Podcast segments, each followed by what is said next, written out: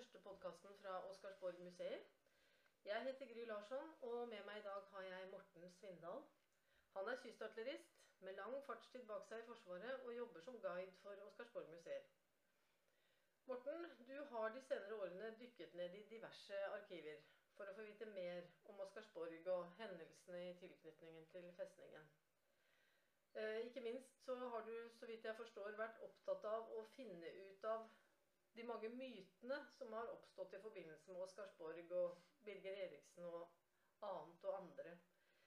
Uh, utenom den kronologiske historien om 9.4.1940, har du funnet noe som du syns er interessant? Ja, det er en god del ting jeg syns er interessant. Og det er mye som også kompliserer bildet mye mer enn det har vært tidligere. Um, men ett område som jeg tenkte å gå inn på nå, det er dette med denne massive kritikken mot Eriksen etter krigen, som, som myten eh, sier noe om. Og det jeg har vært interessert i, er å prøve å ta tak i, i litt ulne antydninger og vage konspirasjonsteorier, og kanskje kon konkretisere det. Finne ut hva kan dokumenteres, hva kan ikke dokumenteres. Og hvis det ikke kan dokumenteres, hva er sannsynlig, hva er usannsynlig. For det, Som regel så kan vi ikke si at det er galt eller det er riktig, men, men vi kan iallfall si at det kan dokumenteres eller det kan ikke dokumenteres. Og det er sannsynlig eller det er, ikke, det er usannsynlig. Det kan også være fysisk umulig i noen tilfeller. Mm. Um, så da tenkte jeg å ta, ta litt tak i de, de, um, de uh, få tilfellene av kritikk som jeg har funnet. Det kan være flere. Hadde det vært flere, så hadde det vært veldig interessant å, å, å, å fått vite om det. Men uh, aller først, hva er, det du, hva er det du finner når du leter sånn? Er det brev? Er det rapport? Hva er det du finner? Ja, noe eh, brev, rapporter er det jo i, eh, i det vi har fått fra, fra eh, særlig HV-historikere i Kystartilleriet som har jobbet med det her, altså Willoch Fjell. Mm. Det er en god del som fins i arkivet her på Oscarsborg. Mm. Det fins en god del i Riksarkivet. Og, og, egentlig er det en del å hente også når vi finner fram alle disse rapportene som ble skrevet etter 9.4.1940 av de involverte. Selv om eh, hver og en av dem ofte bare så sin lille del av, av bildet. Er det slik at uh, disse rapportene har vært hemmelige uh, frem til 50-årstall, eller hvordan er Nei, de rapportene etter, etter de deltakerne har vært Mange av dem har vært i omløp. Fjell samlet de fleste av dem. Og vi har funnet enda flere enn de han hadde. Ehm, så det gir jo ett bilde. Men eh, mange av dem er jo også skrevet lenge i ettertid. Noen var offisielle og ble lagt ved i rapportene som kom da. Ehm, men det eneste som har vært hemmelig, er jo egentlig, ehm, egentlig eh, den militære undersøkelseskommisjonens rapport. Mm. Som, eh, der var det bare en pressemelding som kom ut etter at de var ferdig. Og rapporten var jo hemmelig til langt ut på 70-tallet. Hm. Og det er det som da forkortes til MUK, MUK ofte? Ja. Mm. Bare innpå, Når du sier fjell, da mener du forfatteren av boken 'Klar til strid'? Ja. ja. nettopp. Ja, spennende. Jeg sier bare 'fortell'. Hva, hva har du funnet? Ja, det, For det første så syns jeg at den kritikken man kan finne nå er Det aller meste av den kritikken er jo indirekte. Den går egentlig ikke mot Eriksen heller. Den bare, bare går eh, indirekte. Vi kan tolke at det ligger et element av kritikk mot Eriksen i det. Og, og egentlig er den jo veldig snever når vi ser på betydningen av senkningen av Blücher. Det var jo klokken, eh, klokken 4.21 eh, om morgenen at det, at det, skjedde, og det varte i ti minutter. Blücher ble skutt i senk, og, og, sånn, og, dermed kom ikke denne kampskipsgruppe 5 inn til Oslo som planlagt. Og regjeringen ble ikke stilt overfor et fait accompli som planlagt. Mm. Og dermed måtte altså tyskerne eh, gå for en annen løsning enn full okkupasjon. Mm. Så det som skjedde etterpå, var jo egentlig underordna den, den, store betydningen.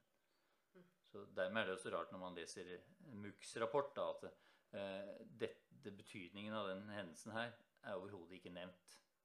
Ja, det er jo nesten underlig. Og hva, hva legger du i det? Hvorfor, hvorfor er det sånn, tror du? Akkurat det med militære undersøkelseskommisjon tenkte jeg å komme litt tilbake til kanskje en senere podkast. Så mm. kan vi komme inn på de tingene der. Mm.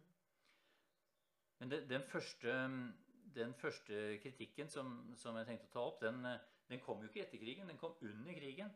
Og det er kanskje den underligste av alle, for den kom fra mm, kaptein Hovdenak, som da var eh, stabssjef i Sjøforsvarsdistrikt nummer én. Og da snakker vi om kritikk av oberst Birger Eriksen? Eh, Det var vel kanskje det eneste tilfellet som faktisk var direkte kritikk av Eriksen. Det andre var vel mer indirekte kritikk. Ja vel? Og det underlige med Hovdenaks rapport Hovdenak han eh, gikk jo ut i minesveiperen eh, eh, Otra eh, natt til, til 9. april for å rekognosere farvannet i Ytre Oslofjord. For de satt jo litt eh, De visste da i Sjøforsvarsdistrikt 1 i Horten at det var eh, kamper i Ytre Oslofjord, men var usikre på hvem var det som kom, hva var det som skjedde, hvilken nasjonalitet var disse fartøyene. Mm. Eh, og derfor sendte de da ut Otra for å, for å rekognosere. Og da meldte Hovnak seg som frivillig. Ja. Det var jo stilt litt spørsmål ved det senere også, hvorfor stabssjefen skulle være med en minesveiper ut og, og rekognosere. Um, men uh, iallfall, de, de seilte rundt, og tyskerne skjøt jo ikke på dem, for den tyske ordren da var eh, ikke skyt uten at du blir skutt på. Ja?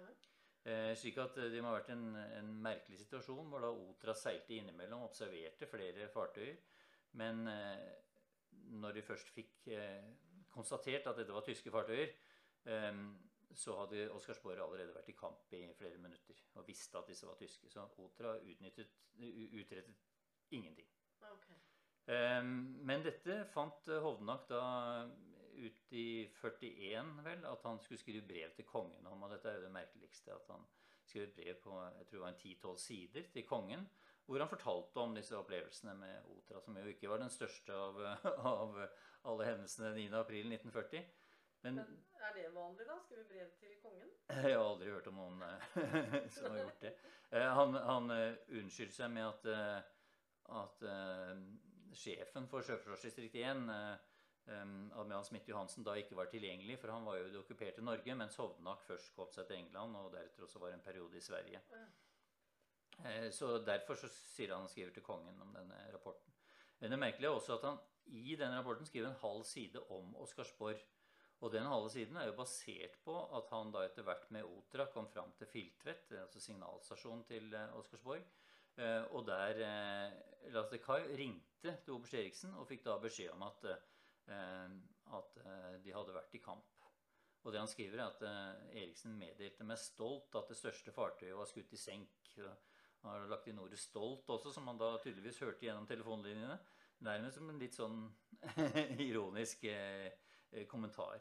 Ja. Nå, nå nevner han også at det var Gnaisnav som var skutt i senk. Vi vet ikke om det var Eriksen som på det tidspunktet ga beskjed om at dette var Gnaisnav, om han trodde det, eller om det var Hovnak som oppfattet feil.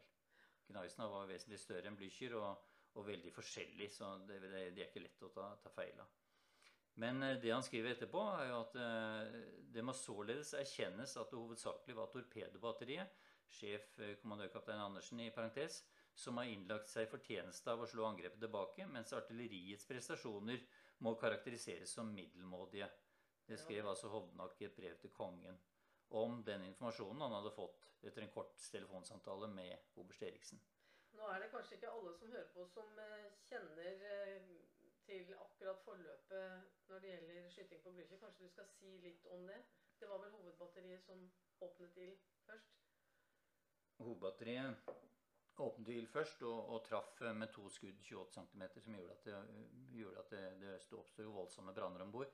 Og deretter så skjøt jo også Koppås-batteriet og traff vel eh, med antagelig nærmere 20 skudd. Og det ligger da rett over som ligger over sundet på Drøbak-siden. Eh, så da mistet jo mistet jo fartøyet eh, I tillegg til at det hadde branner, så mistet de jo også roret. Slik at de, eh, de måtte styre med maskinen når de så kom inn i torpedobatteriets virkefelt og ble truffet av to torpedoer. Mm. Og det var jo kombinasjonen av artilleritreffene og torpedotreffene som gjorde at det, at det sank. Mm. Um, og, og det interessante var jo Hovnak var jo ikke engang øyenvitne til det her. Han hadde bare fått det på telefon, en kort telefonsamtale. Og så rapporterer han til kongen ett år etterpå om, om hva han mente skjedde. Men fikk det noen konsekvenser? Ble det fulgt opp på noen måte? Eller? Aldri hørt at dette har fått noen konsekvenser for noen i det hele tatt. Det var, eh, din, man kan jo undre seg på hva kong Haakon tenkte når han fikk det brevet, men eh, Ja, Det er kanskje lett å, å sitte her og, i dag og, og vurdere det. Det var jo andre tilstander eh, den gangen. Ja, nå, nå er det jo Det vi kan se her eh, Det tror jeg ikke bare er innbilning. Det mener jeg vi kan se mellom linjene på det brevet her. er at det, Her var det motsetningsforhold mellom kystartilleri og marine. Og det kom igjen der. Han fremhever altså eh, festningens eh, høyeste marineoffiser, kommandørkaptein Andersen, og, og, og da mener at kystartilleriets del her, altså artilleriets del, den var mindre betydningsfull. Og det er jo litt eh, visste, vi vet at det var et sånt motsetningsforhold. eh, Blant annet eh, blir det nevnt av eh, daværende kadett-fenrik, senere admiral Gode, som jo meldte seg på, på Koppås under, under kampene, og, og som var øyenvitne til det meste av det som skjedde her. Han nevner også disse motsetningsforholdet her. Men jeg trodde mest at det var faktisk kystartistene som hadde nagd marineoffiserene, og ikke omvendt. Men her ser vi at det, dette var like mye omvendt. Og det, og det, det var jo også, vi ser jo også at eh, Sjøforsvarsdistrikt 1, som hadde under seg da eh, tre festninger som var i kamp, altså Rauøy, Bolærne og Oscarsborg, der var altså både sjef og stabssjef marineoffiserer. Ja, akkurat. Så det var ingen i ledelsen som var kystartister. Vi kan jo Eh. kanskje i en senere podkast komme litt inn på hvorfor det motsetningsforholdet hadde oppstått. Det, det, det kan vi jo. Ja. Men jeg kommer også til å komme litt inn på det når jeg snakker om, om MUK senere. Ja, okay. Men dette var da den første kritikken jeg kan finne om, eh, om helt som hadde noe med Eriksen å gjøre. Ja. Um, og da kom vi jo til MUK 46, som da eh, Det var jo først en undersøkelseskommisjon av 45, men den undersøkte jo det politiske nivået, administrasjonsrådet, regjeringen, Stortinget, Okay. Og, og gikk på det opp til og med kommanderende admiral og kommanderende general. Ja. Eriksen ble altså spurt av eh, undersøkelseskommisjonen av 45, men eh, det var da mer eh, hva skal vi si, en sånn vitnekapasitet enn en at det var han spesielt de så på. Eh, og når så, så MUK kom på banen, så skulle jo det, de se de underordnede sjefene. Og de skulle jo klarere disse for fremtidig tjeneste i Forsvaret. Mm. Um, Hvor mange snakker vi om? Vet du, vet du det? I tillegg til Eriksen? Hvordan de skulle jeg husker ikke, men det var, var hele offiserskorpset ble jo egentlig eller Alle som har vært i kamp, ble jo vurdert egentlig. For om de skulle kunne være med på det- senere tjeneste. Dette er vanlig prosedyre at man alltid går ettergår. Den ene spesielt- gangen vi har vært okkupert. Så var det jo det. det var, men det var flere klarering, det var også et eget klareringsråd, som vi har rapporten til Eriksen fra det, eh, hvor han ble godkjent. Og så var det MUK etterpå da, som kom, eh, skulle se på om sjefen hadde gjort det de ville ha. Men det var, det var tydeligvis en Men det skal jeg komme tilbake til i den podkasten om, om eh, MUK. At det var, det var en diskusjon om hvor lista skulle ligge. Men slik jeg vurderer det, så var aldri Eriksen i nærheten av den lista. Så han var aldri i nærheten av å bli, bli eh, stilt. Han var jo ikke av de som ble anbefalt tiltatt. Han var ikke av de som eh, de skulle se spesielt på. Han var ikke av de som fikk direkte kritikk. Nei. Men som sagt, han fikk indirekte kritikk. Kan du utdype det litt? Hvordan, eh, hvordan, eh, hvordan leser du den indirekte kritikken? Er Ja, det er jo den, den indirekte kritikken, så, så finner vi jo egentlig tre punkter. Og, og det eneste punktet som eh, var med i den endelige rapporten, og som også kom med i det eneste som ble offentliggjort på den tiden, nemlig eh, denne mm, pressemeldingen som ble sendt ut. Eh, og der sto det noe sånt som at ordren 'ikke skyt før på nærmere ordre' til Koppås førte til at batteriet, altså Koppås, ble tatt av tyskerne. Mhm. Og dette fører jo litt tilbake til at, eh, at Eriksen på et tidspunkt eh, ved sekstiden om, om kvelden den 9. april, etter at de hadde hatt, eh, blitt bombet i ti timer, eh, og denne Lützow begynte å komme inn på kort avstand, da med bredsiden til, Det var altså det var en- som kom som nummer to i rekken ja, en krysser med 28 cm kanoner, altså også kalt lommeslagskip på den tiden.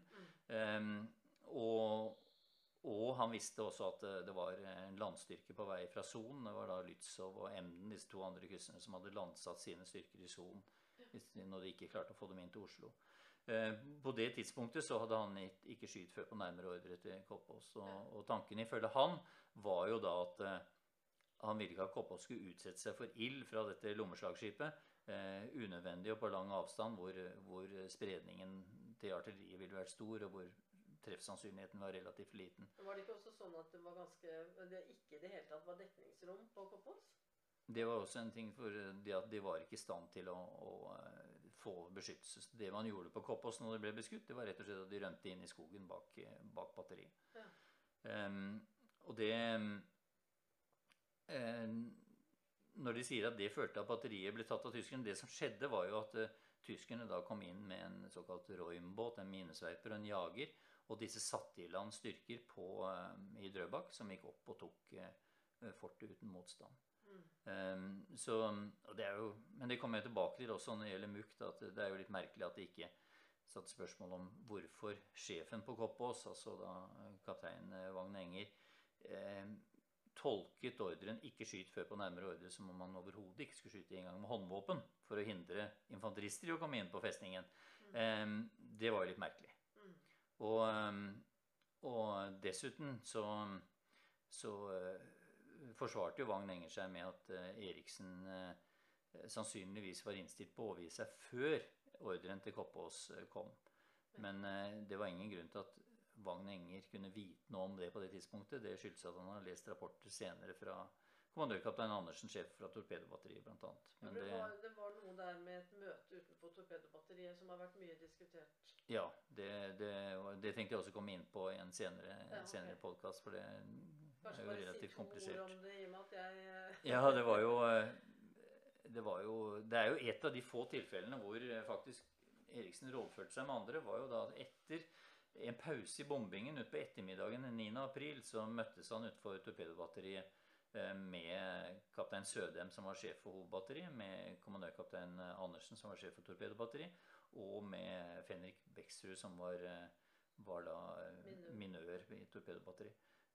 Og der hadde ifølge Denne hendelsen sier ikke Eriksen noe om i sin opprinnelige rapport. Heller ikke at han sendte det signalet til Koppås. Og det er en svakhet i Eriksen. Han, han har vel unngått å skrive litt om det som kunne være negativt. Og det har nok slått litt tilbake senere også. Ja, Men diskusjonen, går den på om møtet fant sted, eller hva slags møte det var? At møtet fant sted, det, det, innrømmet Eriksen etter hvert. Ja, men Hvor de andre vi, mener det var krigsråd? Var de andre mente det var krigsråd, og at det ble sagt. Eriksen sier at det var ikke krigsråd. Ja. Eh, og det ble ingen konklusjon. Og de andre sier at konklusjonen var at eh, all videre motstand er nytteløst. Eriksen var ikke enig i det. Mm. Eh, men uansett det de andre sier også, er at det ble ikke satt noen konklusjon før meldingen ble sendt til Kåpaas ikke skyt før på nærmere ordre. Eh, den konklusjonen de mener kom om at motstand, videre motstand var nytteløs, kom etter at det signalet var sendt.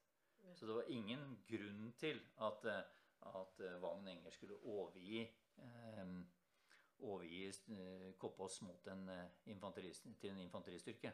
Det var en grunn til at den ikke skulle beskyte den jageren og minesvøperen som kom til kai ved Drøbak. Det, det, var en rimelig oppfatning av den ordren han hadde fått. Um, men iallfall at, at da Muck konkluderer med det, at det var denne ordren som gjorde at Koppås ble tatt, det er jo en, en veldig diskutabel påstand. Mm. Um, kan, eh, altså, var det noe fare for Wang Enge på noe tidspunkt? Kunne han også blitt dratt inn i i nærmere eh, undersøkelser? Hvordan er det Ja, den, Nå skal vi komme tilbake til den senere, den diskusjonen som, som kom i ettertid, og, og alt det som ja. spiller rundt det. Men det er klart eh, Alle offiserer var jo under lupen, selv om det primært var sjefene eh, mm. for, mm. for eh, Munchs arbeid. Mm. Det andre som, som uh, kritiserte, det var jo dette at hovedbatteri skjøt ikke mot fartøyene som trakk seg tilbake. Det, den, den kritikken den står ikke i rapporten til MUK. Den står derimot i, eh, i, brevet som ble sendt til generaljurisdiksjonssjefen for Sjøforsvaret. Men dette var jo ikke offentlig i det hele tatt. Og den står også i, i det som da kommandør Askim skrev, som sannsynligvis var utkastet til, til MUKs Så denne, denne, påstanden her har da ikke overlevd diskusjonen i MUK. Her må det være sannsynligvis Eh, de sivile juristene eller noe som har satt seg imot. Det er jo bare mm, kanskje en, en antakelse. Mm. Men iallfall den, den har ikke, har ikke da gått igjennom. Og, og, den er jo også helt urimelig når vi ser på nøytralitetsinstruksen. At man skulle forlange at en sjef skulle skyte mot retirerende fiende. Eh, det var vel ingen andre militære sjefer den 9. april 1940 som, som eh, ble kritisert for det. Retirerende, det er da Som trekker seg tilbake. Så, um, og hvis vi ser på Nøytralitetsinstruksen den er også litt interessant. fordi at det, Der brukes det som regel bare den første bisetningen når man refererer til det. Det har jeg sett i ganske mange kilder. Den første bisetningen den lyder jo at det skal ikke brukes makt uten etter ordre fra kommanderende admiral. Og så kommer det en bisetning til 'eller hvis man blir angrepet'. Og den er, er ofte ikke med. Eh, så sier den videre 'det retireres for overmakt', men akkurat det er jo uaktuelt for et kystartillerianlegg. Og så står det at skip som tross protest søker å forsere inn til krigshavn eller kystfestnings forsvarsområde, skal dog søkes stoppes med alle de midler som står til rådighet. Eh, så altså Nøytralitetsinstruksen må jo egentlig ha vært eh, klar. Det, det, er mange som har sagt at den var uklar, men så vidt jeg kan se, så var den uklar. Var den klar? Jeg tror ikke oberst Eriksen var i tvil om hva han skulle gjøre. Han kjente selvfølgelig den i detalj. Ja. Det gjorde han. Mm. Så han skulle stanse fartøyene som prøvde å trenge seg inn, Mm. men det står ingenting i nøytralitetsinstruksen om at han skal prøve, dem å, prøve å hindre dem i å stikke av igjen. Nei. Så det, det ville vært litt rart i og med at det ikke var erklært krig. Ja. Og det forsvarte han seg også med senere. Eh, og det kan være at det ble tatt til følge av den øvrige kommisjonen, at de var uenige med Askim. Vi vet ikke hvilke diskusjoner som har foregått. nei. Men, eh, men iallfall så, eh, så forekom den, eh, den eh, kritikken bare i brevet til generaljurisdiksjonssjefen for Sjøforsvaret. Mm. Det Askim også hevdet, men som kun er i Askims utkast, og ikke kom med heller ikke kom med i rapporten, var at festningen hadde restkampevne ved overgivelsen. Altså restkampevne er jo et merkelig uttrykk for eh, Hvis det skal forlanges at en sjef ikke har restkampevne når han overgir seg, så må man vel gå tilbake til eh, general Custer og, og i indianerkrigene, hvor eh, hele avdelingen ble utslettet. Da var det ingen restkampevne. Mm. Så det, det I den endelige rapporten så kom det jo også eh, Sto det vel at man Kommisjonen velger å godta påstanden om at eh, man ikke hadde restkampevne eller noe tilsvarende. Eh, så, så den gikk heller ikke videre. Men for de som ikke kjenner historien i detalj, det hadde vært bombing på Oscarsborg i ti timer? Ja, nå hadde jo festningen For det første så ble jo ilden fra eh, festningen ble jo umiddelbart besvart fra disse krysserne. De skjøt tilbake med en gang. Ja. Og det var, som de sa, det så ut som spilene på en paraply med sporlys som stod ut. Og ilden og Heldigvis ble jo ingen drept eller skadd på Oscarsborg, men, men det var jo to drepte i, i Drøbak pga. den ilden. Og deretter så var det jo ti timer bombing med, med 500 bomber. Antagelig en av de verste bombeangrepene som hadde vært så langt i historien. Det var vel antagelig bare kanskje enkelttilfeller i Polen og spanske borgerkrigen som, som var verre. Eh, og eh, deretter så Og ikke nok med det, flyene hadde fløyet over og beskutt alt som beveget seg med mitraljøser. Mm. Koppås valgte man ikke å bombe, sannsynligvis fordi at de ikke ville bruke det etterpå. Der brukte man bare mitraljøser. Eh, og um, i tillegg så hadde da denne Lützow kommet inn på kortere avstand og beskutt festningen med 28 cm kanoner. Skikkelig Og jeg kan tenke meg at det å stå mottagende ende av 28 cm batteri, det, det er ingen, eh, ingen god opplevelse. Så vidt jeg har skjønt, så er det var de fra Lützow som, som gjorde skade på, mest skade på festningen, kanskje? Det var nok det som hadde den største psykiske påvirkningen. Ja. For det, det føltes som jorda rista, skrev de. Så, Mm. så um, det, det, og det var jo bare kort engasjement. Det var jo litt av lyset å kunne vise dette kan vi gjøre. Mm. Eh, og når den krysseren da lå der ute med bredsiden til, så er det klart det, det var en ganske tydelig trussel. Og, og samtidig så visste man jo at, eh, at flere hundre mann var på marsj fra, fra eh, Son, også for å ta den fra landsiden. Så det var jo om ikke sjakkmatt, så var det iallfall sjakk. Eh, det var ikke veldig mye festningen kunne, kunne gjort på det tidspunktet der. Det er Så rimelig å anta at de var ganske traumatiserte og slitne. Ja. Ja. Mm. Em, så hvis vi legger mukk til side og ser på annen indirekte kritikk, så er det Vi skal virkelig tolke indirekte kritikk da, det, i det lengste. Så kan vi jo si at det ligger noe indirekte kritikk i, i boken 'Skuddene som reddet Norge', da, Ottar Lislegård og Torbjørn Børte. Um, der bruker, bruker Lislegård en, en del å si at, det, at man faktisk kunne skutt hele styrken i senk ved bruk av fremmere målestasjoner. Ja. Men det var nok ikke noen kritikk mot, mot eh, Eriksen. Det var bare en, en kritikk eh, virket som mot styresmakten, enten det nå var det militære eller politiske, som ikke hadde utstyrt festningen med disse fremmede målstasjonene. Mm. Eh, det interessante er jo at Listegård, som da faktisk tjenestegjorde, ikke på Borgen, men på befalsskolen da, som løytnant, var tydeligvis ikke oppmerksom på at eh, festningen faktisk hadde en ytre målstasjon. Okay. Stjernås var, var oppsatt med Fenrik, Harald Reitan og, og fire menige.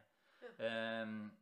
Ehm, men grunnen til at de ikke brukte Fremre målstasjon, det sier vi lite om. For det er få som nevner denne målstasjonen i det hele tatt.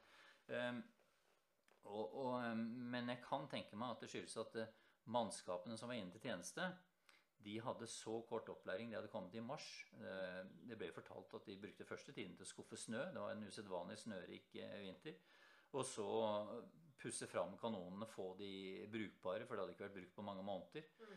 Eh, så de hadde antagelig bare hatt den helt basale opplæringen på kanonene, og hadde antagelig ikke drevet batterieksersis. Mm. Og det blir litt komplisert når man skal lese avstanden, gjøre det om fra denne orografen, denne avstandsmåleren, på ytre målstasjon, og så legge det om til data til, til kanonene. Så Det er noe man da gjerne kanskje senere. Jeg, jeg tror ikke det batteriet var kommet så langt i opplæringen.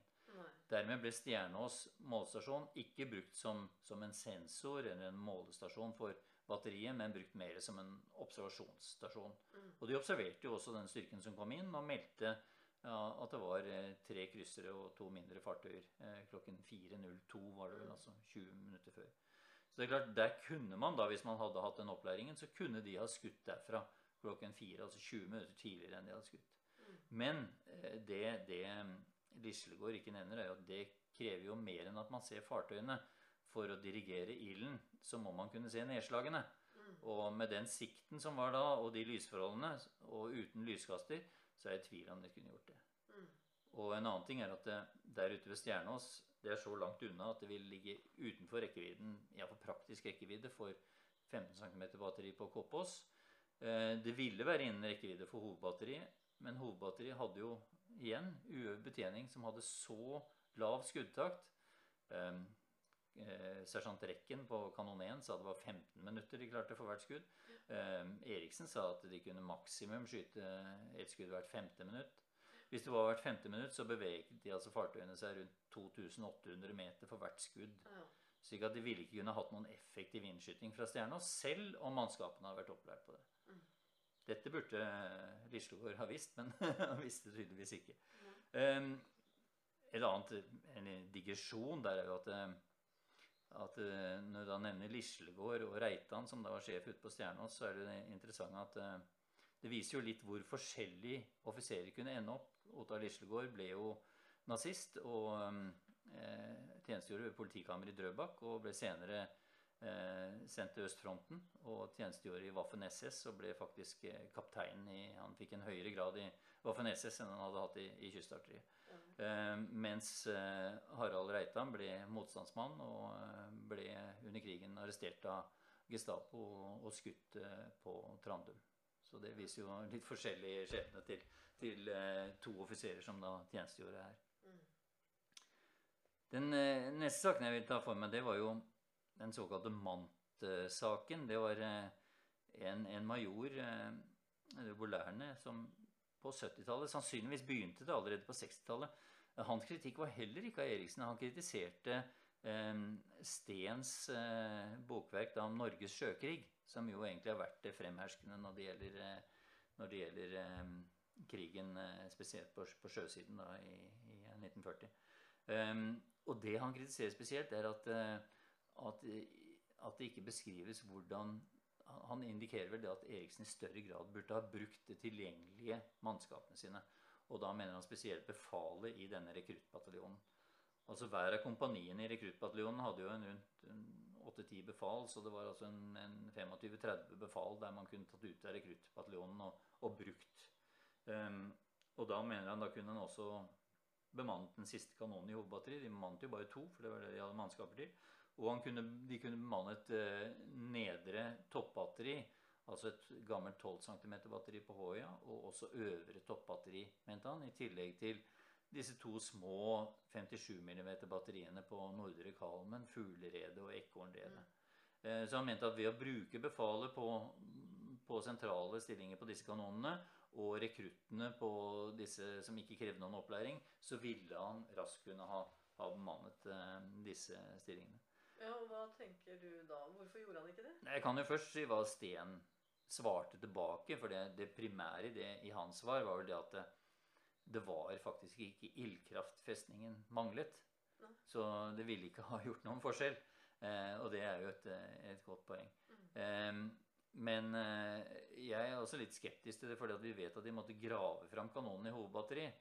Og for de som kjenner snøforholdene her i Oslofjorden, så vet de at eh, nedre toppbatteri er sannsynligvis langt mer snø enn det hovedbatteriet hadde. Mm. Eh, som ligger nesten på, på sjønivå. Så, så det måtte antagelig mange timers snømåking til bare for å få de kanonene klar og kunne få forsyningsveier for Samtidig som nedre toppbatteri hadde altså en ja, Etter at de fikk den nye affutasjen, en, en skuddvidde på under 7000 meter, så vidt jeg husker, og, og ligger ganske langt inn på Håøya. Så de ville så vidt nådd utenfor Sjøteen, altså denne, denne steinmuren. Ja. Det ville ha veldig kort rekkevidde.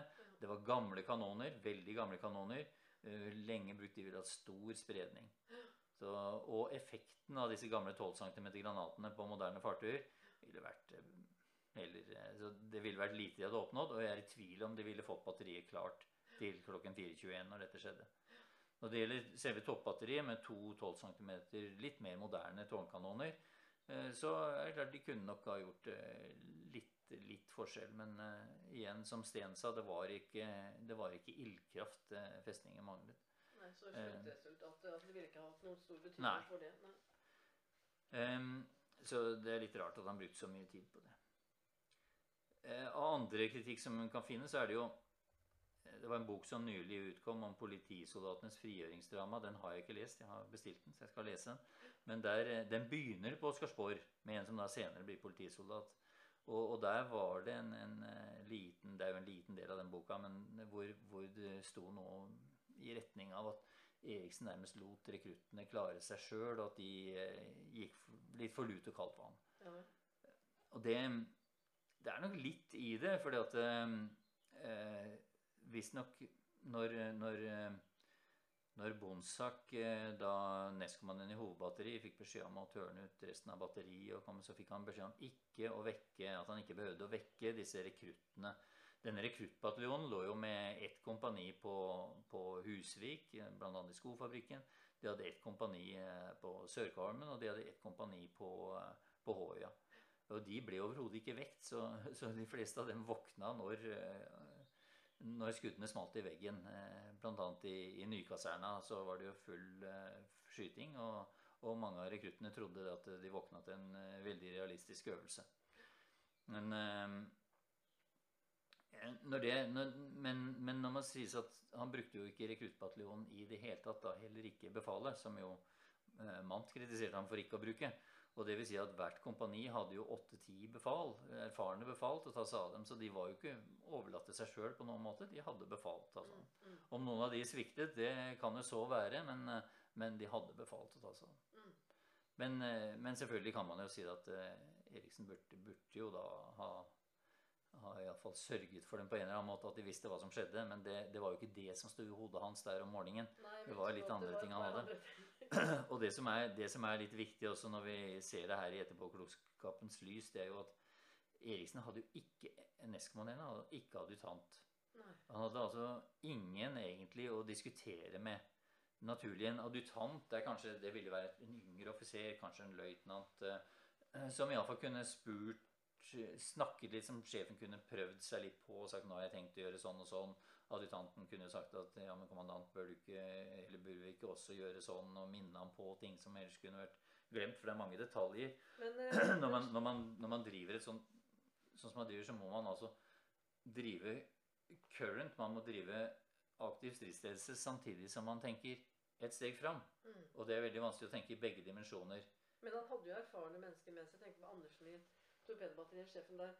Han, eh, han var jo en, en, eh, eldre kar som hadde lang erfaring, som var hentet inn spesielt. Men det var da kvelden før, altså 8. april, var det ikke det? Mm, det er nok en misforståelse. Okay. Um, Andersen var uh, midlertidig sjef for torpedobatteriet fra februar. Oh, ja. Han ble kalt inn kvelden før fordi han var hjemme, Ja, og ting begynte å stramme seg til. Ja. Men, uh, men uh, han, han var nok ingen uh, Jeg vet ikke om det var noe i veien for De var jo to godt voksne, men begge to. Det kan virke mellom linjene som de ikke kom så veldig godt overens. Og dessuten var jo han eh, Andersen var en marinemann med erfaring, riktignok fra landfaste torpedobatterier og, og eh, fra eh, torpedobåter, men hadde nok liten erfaring med artilleri. Mm. Eh, så alle de andre militære her hadde nok sitt å stri med. altså Sødem, Kaptein Sødem var sjef for hovedbatteriet. Mm. Eh, Kaptein Underberg, som var sambandssjef, hadde kanskje vært en naturlig å snakke med, men det virker ikke som det var veldig mye eh, der heller. Og og det, det som mangla, var dette her å kunne ha en ledelse som tenkte både current, altså det som skjedde akkurat der og da, og det som skulle skje litt fram i tid. Hadde han hatt det, så hadde nok noen også minnet ham på at kanskje vi burde evakuere de sivile. Eh, kanskje vi bør iallfall gi litt informasjon til, til eh, rekruttbataljonen. Og vi ser jo etter hvert at rekruttbataljonen ble jo brukt i nærforsvaret både på Kaholmene og på, på eh, Husvik-siden. Men det virker som det var lokalt initiativ, og ikke noe som kom fra festningsledelsen. Men hvor, hvor god tid hadde Eriksen da? Altså, Nei, det var jo ikke mye tid han hadde når dette begynte å skje. Og det var jo, det skjedde nok Vi skal jo se på det her senere, men det skjedde jo relativt overraskende. Og de trodde vel kanskje lenge at etter det som hadde skjedd i Ytre Oslofjord, så, så var det kanskje et, et raid. Eh, det ble jo sagt det var kanskje en styrke som hadde vært i kamp i Skagerrak, som søkte tilflukt. Eh, det var mange sånne historier. så når de da plutselig dukket opp ved Filtvet, og de fikk melding fra Filtvet om han baserte der, så var nok det et lite sjokk for de fleste her på festningen. De hadde regnet med at eh, de iallfall ikke kunne passere Marinens hovedbase, Karljohansvern, uten å bli meldt. Eh, det var nok en overraskelse. Så, så da ble det nok ganske hektisk. Em, nå var det én Det er én kritikk til jeg har fått litt tak i. Det står egentlig Det var noe som sønnen Andreas skrev en gang om noe som skjedde i 1972.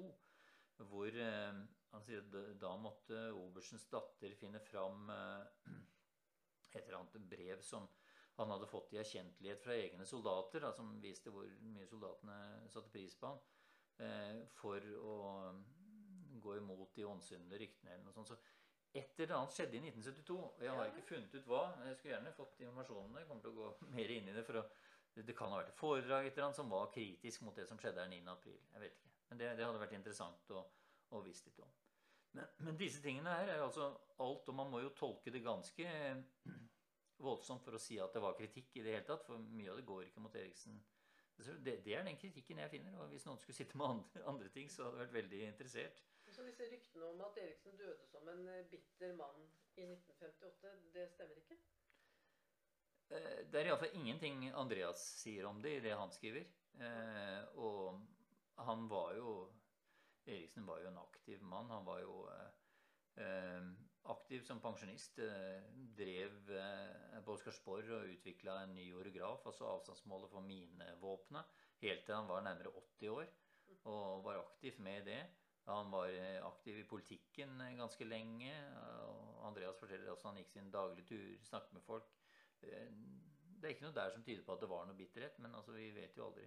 Og, og det samme er jo også en podkast hvor eh, kommandørkaptein Solli, som da Han var jo løytnant på, på Borgen her i Han var sjef for luftvernet her i 1940.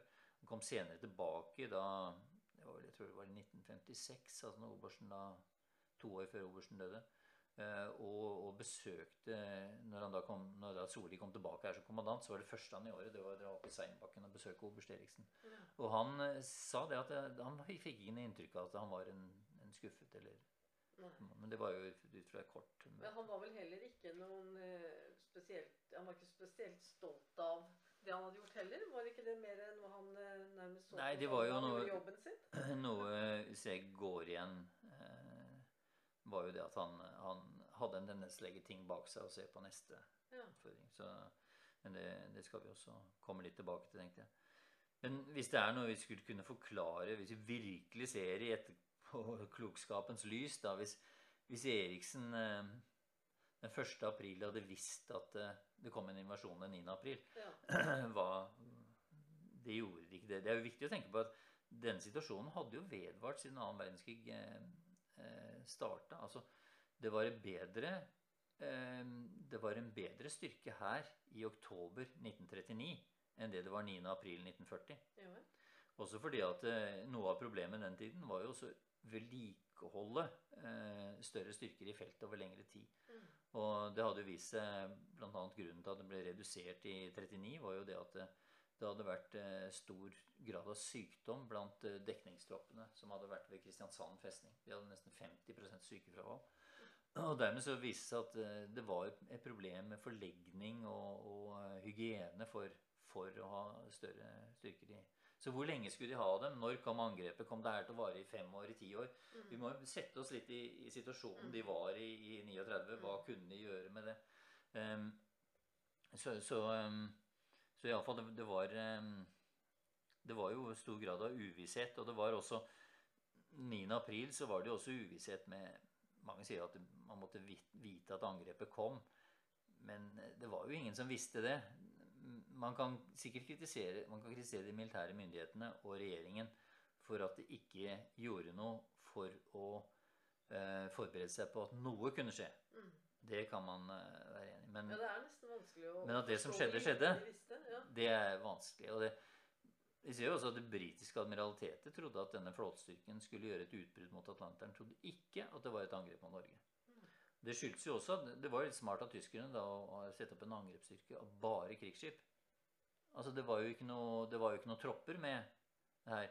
Så hva skulle de landsette? Dette måtte være et raid ut i åpen sjø, sannsynligvis. Ja. Eh, for troppene var jo det med at de, de, sendte jo tre bølger. Det var en første bølge som lå i land allerede, som lå i norske havner under dekke av å være eh, fredstidsshipping. Eh, det var jo mye tyngre utstyr. Så kom denne styrken, som da faktisk hadde styrker de var jo stappfulle av infanterister, disse, disse krigsskipene. Um, men eh, dog bare en, antagelig en 12 000 mann i tillegg til luftlandestyrker som også kom. da. Og så kom en tredje bølge som hadde de øvrige styrkene som da skulle gå videre. Dette narra nok både de allierte og norske militære og sivile myndigheter. Men selvfølgelig, de burde ha forutsatt at noe vi ser også Eriksen eh, sier at eh, senere at dette kunne de ikke ha forutsett, men det han kritiserer for, det er hvorfor ble det ikke eh, Hvorfor ble det ikke eh, mobilisert tidligere, når man så Altmark-episoden og det hele. Mm. Men igjen, altså, hvor lenge skulle man da mobilisere for, og hvor lenge kunne man holde det trykket? Det er jo egentlig litt av samme tankegangen som er i forbindelse med pandemien nå. Altså, man kan gå til strenge tiltak, men hvor lenge klarer du å holde de strenge tiltakene? Hvor lenge skal du holde det? Så det, det, er mye av samme dilemmaene, egentlig. Nå nevnte du Altmark. Vi kan komme tilbake til det igjen senere. Ja, det, det kan vi ta. Det, det som, som, jeg nevnte, da, som selvfølgelig Eriksen da kunne kritisert Som han ville ha gjort annerledes hvis han hadde tid på seg, mm. uh, det er jo dette med at han ville jo selvfølgelig ha evakuert de sivile mm. uh, som var her, og som var under bombingen. Han ville nok ha tenkt mer på bruken av rekruttbataljonen. Han ville kanskje også tenkt på bruk av den ladde kanon 3. altså De fyrte jo med kanon 1 og 2 i hovedbatteri, men kanon 3 var det ikke bemanning til. Og, og, der var da kanon 1 og 2 opptatt med å lade disse igjen, i stedet for å løpe over til en ladekanon 3 og 4 den. Og da, og, for å betjene en av de store kanonene, så må man være Jeg syns det er fascinerende hvor mange Full bemanning være. er 23 mann. Ja, pluss en Men uh, det er 11 mann på selve kanonen. Okay. De, de, andre sitter i magasinene og i ja. traversen og den slags. Men eh, når de da endelig Når han vurderte det, visstnok, så, så var da Blykjø for langt eh, til, utenfor venstre begrensning. Men han kunne jo ha brukt kanon 3 også til å skyte f.eks. Lützow med. Mm. Så det, det, det, kan man stille spørsmålet. Og så var det spørsmålet også Det ble jo panikk i hovedbatteriet når disse krysserne skjøt tilbake. Det, det må man nesten lese mellom linjene for å se. Men eh, sersjant Rekken er vel ganske klar i sin beskrivelse på at det ble det. Mm. Men dette igjen sier Eriksen omtrent ingenting om. Så han sier ikke så veldig mye om de ubehagelige tingene. Så det er jo spørsmålet kunne man ha unngått den panikken. Men disse mannskapene var jo ikke trent for Mange trodde jo kanonen eksploderte når den fyrte. Så um, det var jo, de var ikke trent for det her i det hele tatt. De hadde jo ikke hatt skarpskyting med hovedbatteri. Mm. Um, og så kunne han selvfølgelig ha brukt fremskutt målstasjon, skyte på lengre avstand. Igjen, hadde han visst at det kom en invasjon 9.4, kunne han nok intensivert opplæringen av hovedbatteri slik at de hadde vært i stand til det. Men der igjen, hadde mm. sikten vært god nok der ute mm. til at du kunne se nedslag, og skuddhastigheten stor nok? Neppe. Um, han kan også kritisere for at det ikke var noen plan for bruk av ikke-stridende eller befalsskolen. Altså at dette ble tatt ved ad hoc Altså Plutselig fant man ut at befalsskolen kunne man bruke på Koppås. Det burde jo selvfølgelig vært en alarmplan for hvor den skulle møte, sånn som vi ville sett det under den kalde krigen. Men, men sånn tenkte man altså ikke den gangen. Og, og også tiltak for nærforsvar som ser ut til å ha vært lokale initiativ. Da. Det ble jo tydeligvis ikke styrt fra ledelsen, men det hadde ikke Eriksen da tid og anledning til. Han hadde ikke noe ledelsesapparat heller, unntatt seg sjøl. Og så er spørsmålet hva kunne vært oppnådd eh, med det her? Altså for på det tidspunktet Og det er jo på tidspunktet på Se på overgivelsestidspunktet, den kvelden den 9. Eh, april, så var altså Oslo tatt. Um, regjeringen og kongehuset var flykta. Um, Langgangsstyrken til denne gruppe 5 den var satt i land i Son, så den kunne ikke hindre å komme inn. Um, og de visste at uh, der ute lå det et, et lommeslagskip med kanonene rett mot dem. De hadde vært under konstant flyangrep og visste at det kunne fortsette. Det var ingenting som kunne hindre flyangrepet. Det var ikke noe effektivt luftvern. Det var ingen norske jagerfly igjen. Eh, og de visste at styrker var på marsj fra sonen mot dem i tillegg til det. Eh, så det eneste man kunne oppnå, det var jo selvfølgelig at eh, tyskerne var jo opptatt av å åpne Oslofjorden, slik at denne siste bølgen med forsyningsfartøyer skulle komme inn. Så hvis Oscarsborg hadde holdt ut noen timer til, så ville man jo kunne forsinka denne ankomsten av disse forsyningsfartøyene. Mm. Ehm, det at de forsinket uh, Lützow og Emden, disse krysserne, hadde egentlig ingen effekt på det tidspunktet. De hadde bare med litt ekstra utstyr til de troppene som allerede var landsatt. Mm. Uh, og, og, dro jo bare til Oslo og snudde, nærmest. Så det var det eneste de kunne oppnå. Og da er spørsmålet til hvilken pris. Mm. Hvor mange hadde dødd her på på Koppås spesielt, og, og på Oscarsborg. Mm. Og hvor mange sivile såkalt collateral damage ville vært ved en sånn, et sånt bombardement. Eh, til eh, den prisen å kunne forsinke disse forsyningsfartøyene noen timer. Mm. Men eh, Så din konklusjon er jo at Eriksen da, han ut fra de forholdene som rådet, og det, det de visste på det tidspunktet, så gjorde han jo det han skulle.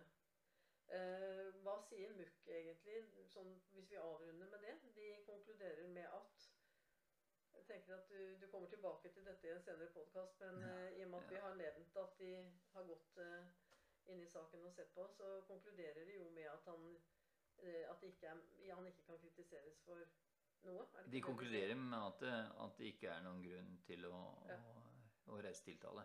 Og det er en standardformulering som de gjør på de fleste. Så det å si at Eriksen nesten ble stilt for krigsrett, er jo en sterk overdrivelse. Han var vel aldri i nærheten av det. Eh, og det kan jeg komme tilbake til i MUK også, hvor det etter hvert da kom også signaler fra krigsadvokaten hvor de antydet hvor lista mm. burde ligge. Mm. Og Eriksen var vel aldri i nærheten av det.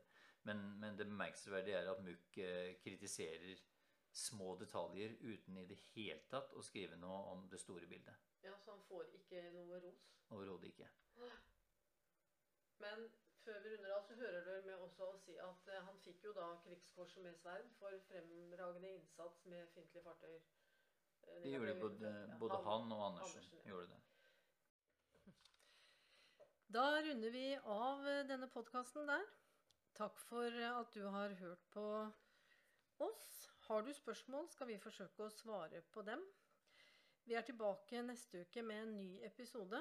I mellomtiden kan du gjerne høre Morten fortelle på YouTube. Han forteller mer om 9. april 1940 sett fra landsiden i Drøbak, blant mye annet spennende. Ha det så bra.